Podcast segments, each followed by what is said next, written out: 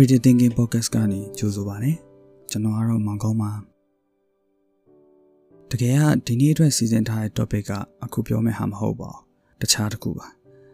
ဒါပေမဲ့အားလုံးစိတ်ကျဉ်ကျက်နေကြတဲ့အချိန်ဖြစ်နေတော့စိတ် trap ပေါက်လေးတစ်ခုဖြစ်လို့ဖြစ်ညာဆိုပြီးတော့ကျွန်တော်ပြောမယ့် topic လေးကိုပြောင်းလိုက်ပါတယ်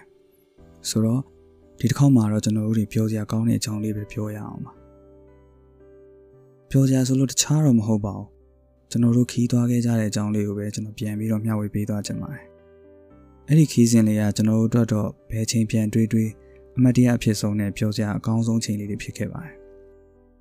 အခုလိုပြန်ပြောပြရင်လည်းအဲကျွန်တော်လည်းပြောခဲ့ရတဲ့အချိန်တွေကိုပြန်နှွေးပြီးသားလည်းဖြစ်မယ်အာမိတ်ဆွေတို့စီလည်းအပျော်လေးတွေနည်းနည်းပဲဖြစ်ဖြစ်ရောက်သွားစေချင်လို့ပါ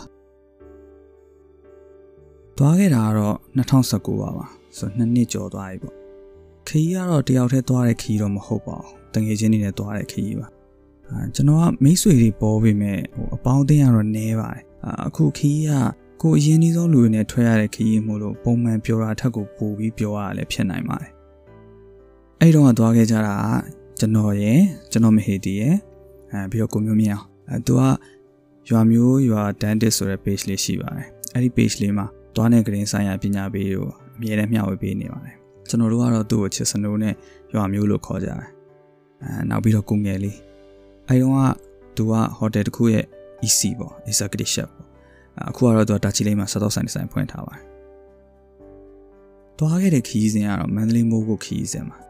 အဲလမ်းကြောင်းကတော့ကားတွေသွားနေကြမန္တလေးတပိတ်ချင်းလမ်းကြောင်းမဟုတ်ဘဲနဲ့မန္တလေးကနေမေမြို့အဲမေမြို့ကနေမှမိုးကိုကိုသွားတဲ့လမ်းကနေသွားခဲ့တာပါအာဘာနဲ့လဲဆိုတော့ဆိုင်ကယ်နဲ့သွားတာပါအဲ၄ယောက်ဆိုတော့ဆိုင်ကယ်က2စီးပေါ့ ကိုငယ်နဲ့ရွာမျိုးနဲ့ကတစီကျွန်တော်တို့အတွေ့အတစီပေါ့ကျွန်တော်တို့စထွက်တော့ဇန်နဝါရီလ၄ရက်နေ့လွတ်လပ်ရေးနေ့အာမနက်ကို9ခွဲလောက်ကလေးကမန်လေးကနေအစောကြီးထွက်လာခဲ့လိုက်ကြအဲ့လိုမနက်အစောကြီးထွက်လို့ရအောင်လို့ညကလေးကကိုငယ်လှုပ်လှုပ်တဲ့ဟိုတယ်မှာ family room တစ်ခုယူပြီးတော့အကုန်စုအိတ်လိုက်ကြအဲ့တော့ဟိုမနက်ကျတော့ထွက်ခန့်ဒီလူဆုံးအောင်ဆောင်းရတဲ့ဒုက္ခရော့သွားတာပေါ့အဲ့မှာစောကြီးထွက်လိုက်တာမနက်9နာရီပတ်ချလေလောက်မှမိမျိုးကိုရောက် အာမေမျိုးမှာခဏနာပြီးတော့မနက်စာပါညာစားကြတယ်မေမျိုးကနေပြီးတော့ထွက်ဖို့ပြင်တော့မနက်၈နာရီကျော်ကျော်လောက်တော့ရှိပြီအမှမေမျိုးမိုးကုတ်လမ်းအတိုင်းကိုမမိတ်မတုံကြီးမောင်းလိုက်တာနေ့လေတနာရီကျော်ကျော်လောက်မှမိုးကုတ်ကိုရောက်ပါလေရောဒါကျွန်တော်ပြောလိုက်လို့ခဏလေးနဲ့မိုးကုတ်ကိုရောက်သွားတကယ်တကယ်တမ်းလန်ခီးက၄နာရီကျော်၅နာရီနီးပါးလောက်မောင်းသွားတယ်တလန်းလုံးလဲကျွန်တော်တို့ဆိုင်ကနှစ်စီးပဲရှိရအာတခါလေးရွာတွေကိုဖြတ်မှလူလေးပါလေးနဲ့ပါမြင်ရပြီးတော့ရာသီဥတုကလည်းအဲ့ဒီချိန်တော့က ဘလို့မှမตายရအောင်တလာပိုင်းဆိုတော့စောင်းတွင်အေးရလည်းမပြောက်သေးဘူးပြီးတော့ကျွန်တော်တို့ခီးထွက်တော့အဲ့ကာလာတော့မိုးတွေရွာတာမုံတိုင်းရှိရလားဘာလားမပြောတတ်ဘူးအဲ့တော့မိုးတွေခဏတိုင်းရွာဆိုတော့အဲ့လိုနဲ့ပဲမိုးကုတ်ကိုလေးယောက်သားယောက်ျားလေးတတိပေါ့တဲတာကတော့ကိုငယ်ကမိုးကုတ်သားဆိုတော့မိုးကုတ်မှာသူ့အိမ်ရှိတယ်အဲ့တော့သူ့အိမ်မှာပဲတဲကြတယ်မိုးကုတ်ကအေးတာအေးတာဆိုတာလေးနေကင်းဘက်ကြီးခြေလဲစီးရတော့မှအမလီတာပြီးစီးရမိုးတွေကလည်းတအားရွာ မိုးကုတ်ရောက်လာတဲ့မိုးကုတ်ကိုစားရောက်တဲ့နေ့ကဆိုင်ကယ်မောင်းလာတဲ့အချိန်ရောမိုးအေးရနဲ့ရောနဲ့ဘဲမှထွက်ထပ်ပြီးမထွက်ဖြစ်တော့ညနေပိုင်းကျတော့ကိုငယ်လေးရဲ့အတော်ထင်တာပဲကျွန်တော်တို့စားဖို့ဆိုပြီးတော့ဟော့ဘော့ချက်ပြီးလာပို့ယူနန်ဟော့ဘော့လိုဟာမျိုးဆိုမိုးကလည်းအေးအေးနဲ့ဆိုဟော့ဘော့ကလည်းတအားကိုစားကောင်းတာဟော့ဘော့တို့လေးယောက်သားထိုင်ဖြူလိုက်တာဖင်ကက်ပဲကျွန်တော်ရဲ့အထိပဲကျွန်တော်တို့စားနေရအောင်ဒါအားရလို့နေတူရဲ့ကိုငယ်အိမ်ကလူတွေကပြော ခါတိုင်းသူတို့စီမှာဒါမျိုးတိုးဆိုလို့ရှိရင်ဆယ်ယောက်တောင်မှမနှဲကုန်အောင်စားရတာတဲ့ကျွန်တော်မှလည်းစားပြီးတော့မှကိုဘာသာဘလောက်ငကြီးကြလိုက်တယ်ဆိုတာကိုသိရတဲ့အဖြစ်မျိုးဖြစ်နေဒါပေမဲ့အဲ့လိုပြောခံတယ်ကျွန်တော်တို့ကတော့မဖြုံမအောင်ဂျန်နီရဲ့ဟောဘော်ကိုတိန်းထားပြီးနောက်ရကျတော့ထမင်းနဲ့ထပ်စားအမ်မိုးခွေရဲ့အောင်ချင်းကျွန်တော်တို့စူးစမ်းကြတာဟိုဟိုဒီဒီလဲဖို့ပတ်ဖို့သွားကြဖို့မဟုတ်ကျွန်တော်တို့စားခြင်းနေရတယ်ကိုစုံနေအောင်စားရဖို့ပဲ ကျွန်တော်တို့တစ်ဖွဲ့လုံးကမိုးကုတ်မီးရှည်ရစားပြီးတော့မိုးကုတ်စားဆိုလို့ရှိရင်ဘာနဲ့နေကုန်ကြိုက်မိုးကုတ်သွားလဲတာကလဲဖို့ထက်ကိုကိုစားကျင်တာတွေဟိုဝဝလင်းလင်းစားရဖို့အဓိကလို့ဖြစ်နေဆိုတော့အဲမိုးကုတ်မီးရှည်ပတ်စားကြရပါမိုးကုတ်မီးရှည်ဒါပေမဲ့ကျွန်တော်တို့အဖွဲ့ကတော့မိုးကုတ်မီးရှည်ကိုကိုတော်မီးရှည်ဆိုင်ရနေပဲစားကြတာများပါတယ်အဲပြီးတော့အခါကျတော့မုံညင်းမောင်းတို့မိုးပေါင်းတို့ဆိုတာလေဘယ်နာဝင်စားစားကိုစားလို့ကောင်းနေ အဲပြီးတော့ဝတ်သက်ချင်းပေါ့ဝတ်သက်ချင်းကသူတို့ပြောနှစ်မျိုးရှိတယ်ပေါ့အဲ့လိုဝက်သွေးနဲ့ခြင်တဲ့ဟာရယ်အခောက်တွေဓာတ်ရည်နဲ့ခြင်တဲ့ဟာရယ်ပေါ့ကျွန်တော်တို့ကတော့အဲတွေးနဲ့ခြင်တဲ့ဟာတွေကိုစားခဲ့တာများတယ်ဘဲဘုတ်ဆေးလေးတွေနဲ့ဂျူးမြစ်လေးတွေနဲ့တွဲစားမလို့ဘာကောင်းသလားမမေးနဲ့နောက်မနေ့ဆိုလို့ရှိရင်ရှမ်းခောက်ဆွဲတို့ဒူဘူးနွေတို့စားကြတာမိုးကုတ်ကဒူဘူးနွေကိုကျွန်တော်တော်တော်လေးကြိုက်တယ် မန်လေးမှာဒူဘူးနွေမှာစားရင်ဆိုင်တွေကဟိုခောက်ဆွဲဘက်တွေကိုရင်တွေးတဲ့တက်တက်ပြုတ်ပြီးပကံနဲ့ထက်အစားပလာတွေဘာညာဘာညာတွေထက်ပြီးနောက်ဆုံးမှအပေါ်ကနေပြီးတော့ဒူဘူးနွေတွေတစုံလောက်ပုံပေးလိုက်တာမျိုးဆိုတော့ကျွန်တော်မန်လေးမှာဒူဘူးနွေစားရတိုင်းကိုတော်တော်လေးအသေးပေါက်တယ်မိုးကုတ်မှာကျတော့အဲ့လိုမဟုတ်ဘူး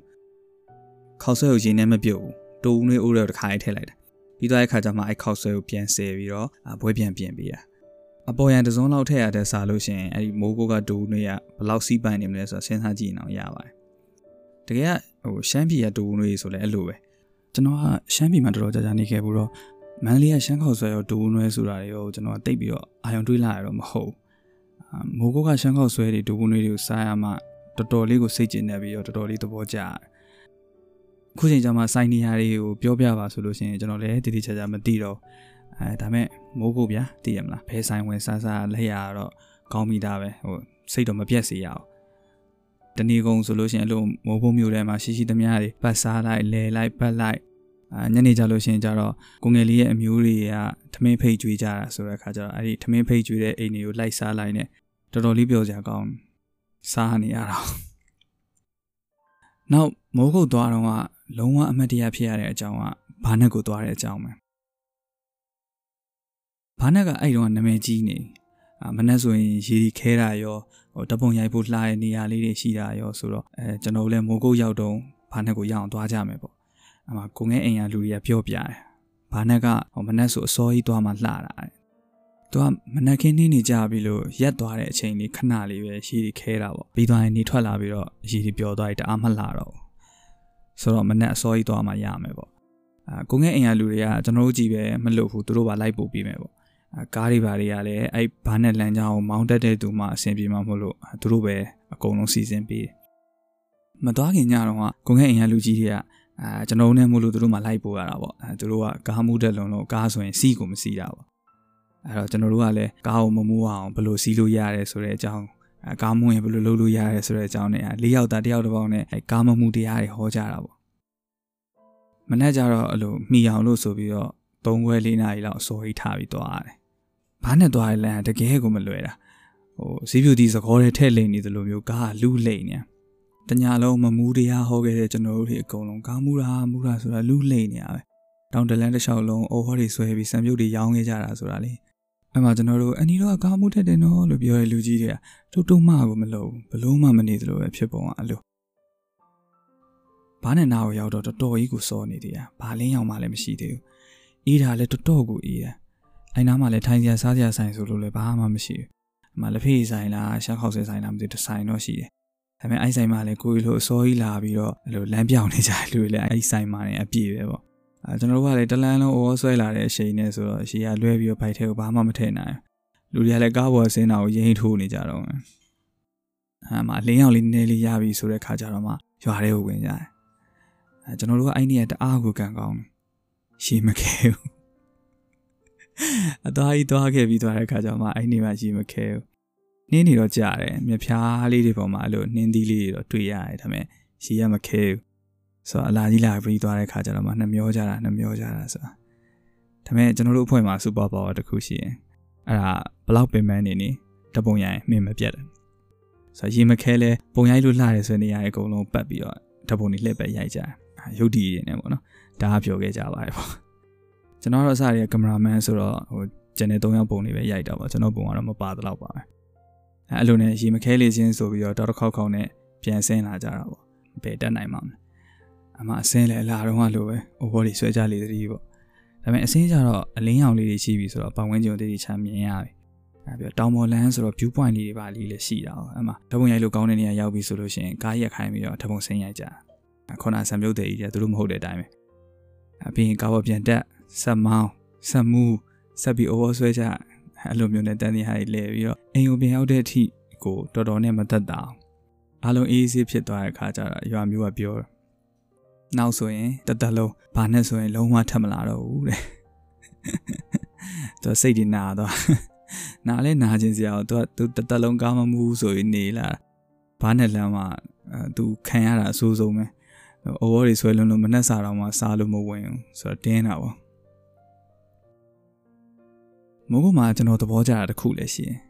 အဲ့ဒါရှင်နွေးရီချိုးကန်းလေးရှိတာပဲကိုငဲ့အိမ်ကတော်တော်လေးကိုကြည့်ပြီးတော်တော်လေးလည်းကျဲတယ်အိမ်ပေါ်ဓာတ်မှာကိုကမာစတာရွန်နှစ်ခုတောင်ပါတယ်အဲဒါပေမဲ့ကျွန်တော်တို့မရောက်ခင်လေးရမှာသူတို့အိမ်ရရေဘူးဇက်ကပြတ်သွားအဲပစ္စည်းတစ်ခုလဲရမှာတဲ့ဖြစ်ကျွန်တော်အဲ့လဲရမယ့်ပစ္စည်းကမန်းလေးကနေမှာထားတာမရအောင်အဲ့တော့ကျွန်တော်တို့ရောက်တဲ့အထိကိုရေဘူးကကောင်းကောင်းမရသေးဘူးမိုးရီရောနှင်းနေရောကြာပြီဒါအေးနေတဲ့အချိန်မှာဒီတိုင်းသာရေချိုးရရင်တော့ဂုံတူကြီးပြောက်ကုန်မလားပဲ ခြေချောင်းလက်ချောင်းလေးပြောပါတယ်ဤတော့ကြုံနေလीနော်အမှကျွန်တော်တို့ရေချိုးမယ်ဘာညာဆိုလို့ရှိရင်ခုနကတော့ပြောခဲ့တဲ့ရေချိုးခန်းလေးတို့သွားပြီးတော့ရေချိုးကြရတယ်ကျွန်တော်အဲ့ဒီရေချိုးခန်းလေးကိုတအားကြိုက်တယ်ငငယ်တော့ကလာရှိုးမှာနေတော့က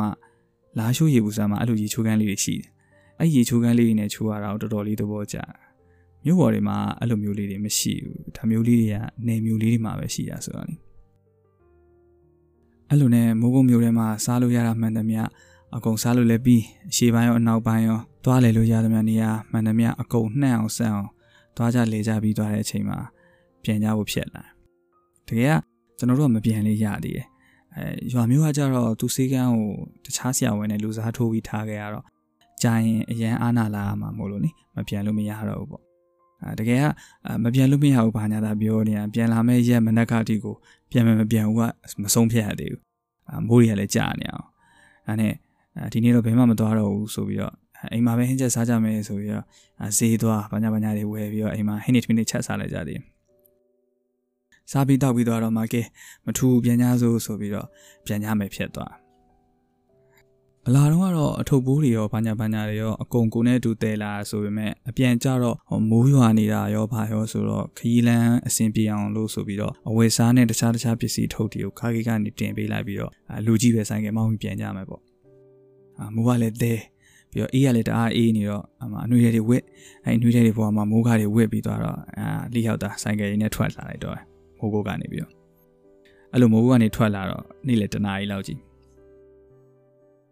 ဒီမိုးကိုခီးစဉ်ကိုတသက်မမေ့ဘူးဆိုတာအဲ့ဒီလဲခဲ့ပတ်ခဲ့စားခဲ့တောက်ခဲ့ရတဲ့အကြောင်းမလို့မဟုတ်ဘူးအဲ့ဒီ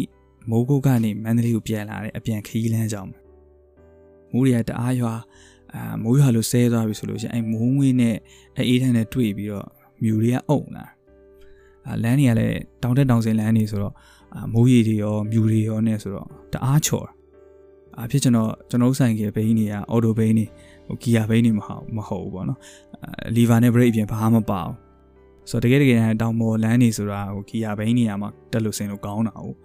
အမှကိုရှိနေကိုတခြားသွားနေတဲ့ဆိုင်ကတွေကတပုံမုံနေလဲတခါဆိုရင်ကိုရှိမှာအတူတူသွားနေတဲ့ဆိုင်ကနှစ်စီးကလမ်းချော်ပြီးတော့အချင်းချင်းချိတ်ပြီးလဲတာအမှအစင်းလန်းကြီးတဲ့ဆိုင်ကရောလူရောတရွဆွဲပြီးတော့ပါသွားရောအစင်းတက်လန်းဆိုကိုကလည်းရက်ပြီးတော့သူတို့ကိုစင့်ကူဖို့လည်းမရအောင် ဒါပေမဲ့ကြီးရနေကန်နေဆိုတော့သူတို့ကဖြစ်နေကြနေမှာအေးဆေးပဲဘာမှဖြစ်ဘူးဒါပေမဲ့အဲသူတို့လဲသွားတဲ့ပုံစံကြီးတွေကြည့်ပြီးတော့ကိုဟာကြောက်ပြီးတော့ဆိုင်ကယ်ကိုလုံးဝတတိဆွဲပြီးမောင်းပြီးတော့အဲမြူတွေကအားအုံလာတဲ့အချိန်ဆိုလို့ရှိရင်ကိုမျက်နှာရှိမှလက်ထောင်လိုက်ရင်တော့မှအဲ့လက်ကိုကောင်းကောင်းမမြင်အောင်အဲ့လောက်ထိကိုအုပ်ဆိုင်ကယ်ကမောင်းတာမောင်းနေရရှေ့လည်းမမြင်အောင်နောက်လည်းမမြင်အောင်ရှင်မီထုံးမောင်းနေဆိုရင်တော့မှမီးကထိုးလို့မပေါက်ဆိုမောင်းနေတဲ့နှစ်စီးကလည်းတစ်စီးနဲ့တစ်စီးမမြင်အောင် ဆိုတော့ဟိုးနဲ့တီးပြီးတော့အနားမှာရှိတယ်ဆိုတဲ့အကြောင်းချင်းချင်းအချက်ပေးပြီးတော့မောင်းသွားအစိုးဆုံးကတောင်ဆင်းတောင်တက်လမ်းဟိုအကွေ့အကောက်များတဲ့လမ်းမှာဆိုမှရှေ့ကလမ်းကိုမမြင်ရတာပဲအဲ့တော့ဘာလို့ ਆ လဲဆိုတော့လမ်းမရအပင်လေးရင်နဲ့လမ်းအနားသက်လေးကိုကြည့်ပြီးမောင်းသွားအပင်လေးကိုကြွေသွားရင်လိုက်ကြွေအပင်လေးမြင့်သွားရင်လီဖာလိုက်တင်အပင်လေးတွေနှိမ်သွားပြီဆိုလို့ရှိရင်ဘရိတ်ဆွဲပြီးဆင်းပြန်တွေးကြည့်လိုက်တိုင်းလည်းအဲ့ဒီ feeling ကတကယ်အသေးတအေးအေးပဲဒါပေမဲ့ အဲ့လိုအသေးတအေးနဲ့တော့မောင်းနေရနော်အမိုးလေးဆဲပြီးနေလေးနည်းနည်းပွင့်လာတဲ့အခါကျတော့လမ်းမှာတောပန်းလေးတွေတွေ့လဲလှတယ်ဆိုပြီးစင်ပြီးတပုံရိုက်ကြတယ်ဟိုနားလေးကြောက်လဲဟာဟိုနားလေးကလှတယ်ဟာဆိုပြီးတပုံစင်ရိုက်ကြဒီနားလေးလှတယ်ဟာဆိုပြီးတပုံစင်ရိုက်ကြအဲတော့တိမ်ပင်လဲပါညာဆိုတာတိတ်ပြီးခက်မထားသေးဘူးထင်တာပဲအပြန်လန်းတောင်ပေါ်ကနေပြီးတော့အဲ့ဒီမြူတွေအုံလာပြီးတော့တိမ်တွေတလိမ့်လိမ့်တက်လာတဲ့မြင်ကွင်းကဘာနှင်းမှကိုမတူဘဝမှာမြင်ဘူးတဲ့တိမ်ပင်လေထဲမှာဒုတိယအလှဆုံးပဲ အလှဆုံးကတော့ခုံးနှုတ်ဆောင်တက်တုံးကမြင်ခဲ့ရတဲ့တိမ်ပင်လေပေါ့အဲ့ဒီအကြောင်းကကြုံရင်နောက်ကြုံတဲ့ခါကျရင်ထပ်ပြီးတော့ကျွန်တော်ပြောပြပါမယ်အဲ့လိုနဲ့မြူတွေအုံလိုက်မိုးတွေရွာလိုက်တောင်တက်တောင်ဆင်းလမ်းတွေကိုအသေးအေးနဲ့မောင်းလိုက်နဲ့တော်တော်နဲ့မင်းမျိုးမရဘူးလမ်းမှာဖြတ်ခဲ့ရတဲ့ရွာတွေဆိုတာလည်းမိုးကြီးလိုလားမသိဘူးတိတ်ဆိတ်နေခွေးတကောင်တော့လမ်းမှာမတွေ့ဘူးညနေဘက်ရောက်လာလေးလေးမှောင်လာလေးလေးအာမရောက်နိုင်သေးလို့စိတ်တစားတွေဖြစ်လာလေးလေးအဖြစ်တာဒီလို ဟိုးရှင်မှာမိဝင်လေးတွေမိအောင်လေးတွေနဲ့တွေ့တော့အေးအမေမြို့ပဲပေါ့ရောက်တော့မှဆိုပြီးတော့မောင်းသွားလိုက်အိုင်နာလောက်ရောက်တဲ့ခါကျလို့ရှင်ခုနကမြင်ခဲ့တဲ့မီးတွေကမရှိတော့ဘူးဖြစ်လိုက်နောက်ထပ်ထပ်မောင်းလိုက်အနာနီးလာပြီးထင်လိုက်ပြီးတော့မရောက်နိုင်လိုက်နဲ့အာလာတော့ကမေမျိုးနဲ့မိုးကို၄နိုင်ကျော်၅နိုင်လောက်ပဲမောင်းရတာဟုတ်ကျတော့လူကတလွဲအိစတွေ့လာအဲငါတို့တော့အမောင်လောကသားတွေအနောက်ရှက်တွေများရှိနေပြီလားပေါ့တော်တော်နဲ့မေမျိုးမရောက်တော့လေအာငါတို့ လူကြီးတွေပြောတဲ့ကြက်ရွာတွေပါအများလေးရောက်ပြီးတော့မျက်စိတွေပါအများလဲနေကြပြီလားပေါ့အဲ့လိုတစုံတွေကိုတွေးပလိုက်တော့တကယ်ကတော့မဟုတ်ပါဘူးဟိုကျွန်တော်တို့ရှေ့ပိုင်းစထွက်လာတော့ဟိုမိုးတွေရောမြူတွေရောနဲ့မို့လို့ဆိုင်ကယ်က20ကီလိုတောင်မရှိတဲ့နှုံနဲ့မောင်းခဲ့ရတာဟုတ်အလာတော့ကကြတော့အေးအေးဆေးဆေးပဲဆိုတော့ဟိုကီလို60 80လောက်ကိုဖြူးနေအောင်မောင်းခဲ့တာလေအဲ့လိုနဲ့စိတ်တထင်းနဲ့မောင်းလာလိုက်တာနောက်ဆုံးတော့မိမျိုးတဲ့ကိုရောက်သွားပါလေရောအဲ့ခါကျတော့မှအကုန်လုံးတက်ပြင်းနေချနိုင်တယ် ဘာလို့ဆိုတော့မိမျိုးနဲ့မန်လေးကျတော့မျက်စိမိတ်မောင်းတော့မှအေးအေးဆေးဆေးပဲမောင်းလို့ရတာ哦အေးဆေးပဲဆိုပြီးတော့မောင်းလာလိုက်တာဘိုးဝင်တန်းတက်ကတူနာအချောက်လက်နာမည်ကြီးပါတယ်ဆိုတော့မိုင်းနိုင်နာကျတော့ကိုငယ်လေးဆိုင်ကပြုံးဆိုပြီးတော့ဆိုင်ကရှီမီပြက်ပါလေရောပြီးတော့ဆိုင်ကဆက်ကရက်ချင်တာလူလူထစ်ချင်တာလူတွေဖြစ်ရောတလန်းလုံးမောင်းလာအကောင်းတော့အိုင်နာရောက်မှကွက်တီဖြစ်တယ်အဲ့မှာဘာပြောကောင်းမလဲဘာမှကိုမပြောနိုင်ဘူးတယောက်မျက်နှာတယောက်ကြည့်စံမောင်းကြမယ်ဆိုပြီးတုတ်ကြကျွန်တော်ဆိုင်ကမီးရသေးတော့ကျွန်တော်ကနောက်ကနေပြီးတော့ မီးထိုးပေးကိုငဲဆိုင်ကကြတော့ရှေ့ရနေပြီးတော့မောင်းအဲ့လိုနဲ့မောင်းပြီးတော့ည၈နာရီကျော်လောက်မှကိုကျွန်တော်အိမ်ကိုပြန်ရောက်ကြတယ်ခုချိန်ပြန်စဉ်းစားကြည့်လိုက်ရင်ကျွန်တော်တို့ကတော်တော်ကိုအတင်ရဲခဲ့ကြအဲ့ဒီလန်ခီးကလူလဲတအားပြတ်တယ်ပြီးတော့လန်ခီးမှာစီပြတ်သွားတာတော့၎င်းဆိုင်ကယ်တစ်ခုခုဖြစ်သွားခဲ့ရင်တော့၎င်းကျွန်တော်တို့သွားပြီပြင်စရာနေရာလည်းမရှိဘူးတဲစရာနေရာလည်းမရှိဘူးအကုန်ဒုက္ခတွေရောက်မှာဒါပေမဲ့ကျွန်တော်တို့တွေသွားတော့ အဲ့ဒါယူစဉ်းစားပြီးတော့တွေးပူမနေခဲ့ကြအောင်ဒုက္ခကိုဒုက္ခမရောက်ခင်မှာဒုက္ခခံပြီးတွေးပူနေရလောက်ဒုက္ခရောက်ရတဲ့ခံစားချက်မျိုးမရှိဘူးဒီခီးစဉ်တစ်လျှောက်လုံးကကြိုးစီစဉ်ထားတာတွေမရှိဘဲနဲ့ဝုံနိုင်ဆုံးဖြတ်ပြီးလုပ်ခဲ့ကြတာတွေများတယ်အဲပြီးတော့ကျွန်တော်တို့အဖွဲ့ကလူညီကြရလဲပါမှာပေါ့တိတ်ပြီးစိုးရင်ပူပန်မနေရလဲပါတယ်တ ခါလေကျတော့ကျွန်တော်တို့တွေကဟိုအများကြီးအရှိရှိဝေးဝေးတွေစီစဉ်နေရတယ်တွေးပူနေရတယ်မလုပ်တာပို့ပြီးတော့ကောင်းတယ်စိတ်ချမ်းသာရေးအတွက်လည်းပို့ပြီးထောက်ကူဖြစ်စေတယ်ရှိုးကိစ္စတွေအတွက်ကဆရာကြီးမသိခါရဲ့စကလုံးကအကောင်းဆုံးပဲဖြတ်ကနေပေါ့စက်ကနေသာလို့ဒီနေ့ podcast လေးကတော့ဒီလောက်ပါပဲအားလုံးကလည်းမေးမရတဲ့အမှတ်တရဖြစ်ရလေးတွားခဲ့ပူကြတဲ့ခီးစဉ်တွေရှိကြမယ်လို့ထင်ပါတယ်ဒီကလာကြီးမှာကျွန်တော်တို့တွေတအားပင်ပန်းနေကြမယ်လို့သိပါတယ်ဒါပေမဲ့ တတ်နိုင်သမျှစိုးရင်စရာလေးတွေရှော့ပြီးတော့စိတ်သက်သာရမှလေးတွေတွေးပြီးတော့နေကြစီကြပါတယ်အဲဒီစိတ်ကြောင့်ပဲကျွန်တော်ဒီ podcast လေးကိုလုပ်ဖြစ်သွားခဲ့တာပါကျွန်တော် podcast လေးကိုအချိန်ပေးပြီးနားထောင်ပေးခဲ့တဲ့အတွက်ကျေးဇူးတင်ပါတယ်နောက်တစ်ပတ်မှာကျွန်တော်တို့ပြန်ဆုံကြပါမယ်အားလုံးပဲ have a good day ပါကျမ်းမာရေးကိုအထူးပြုစိုက်ကြပါခင်ဗျာတတာ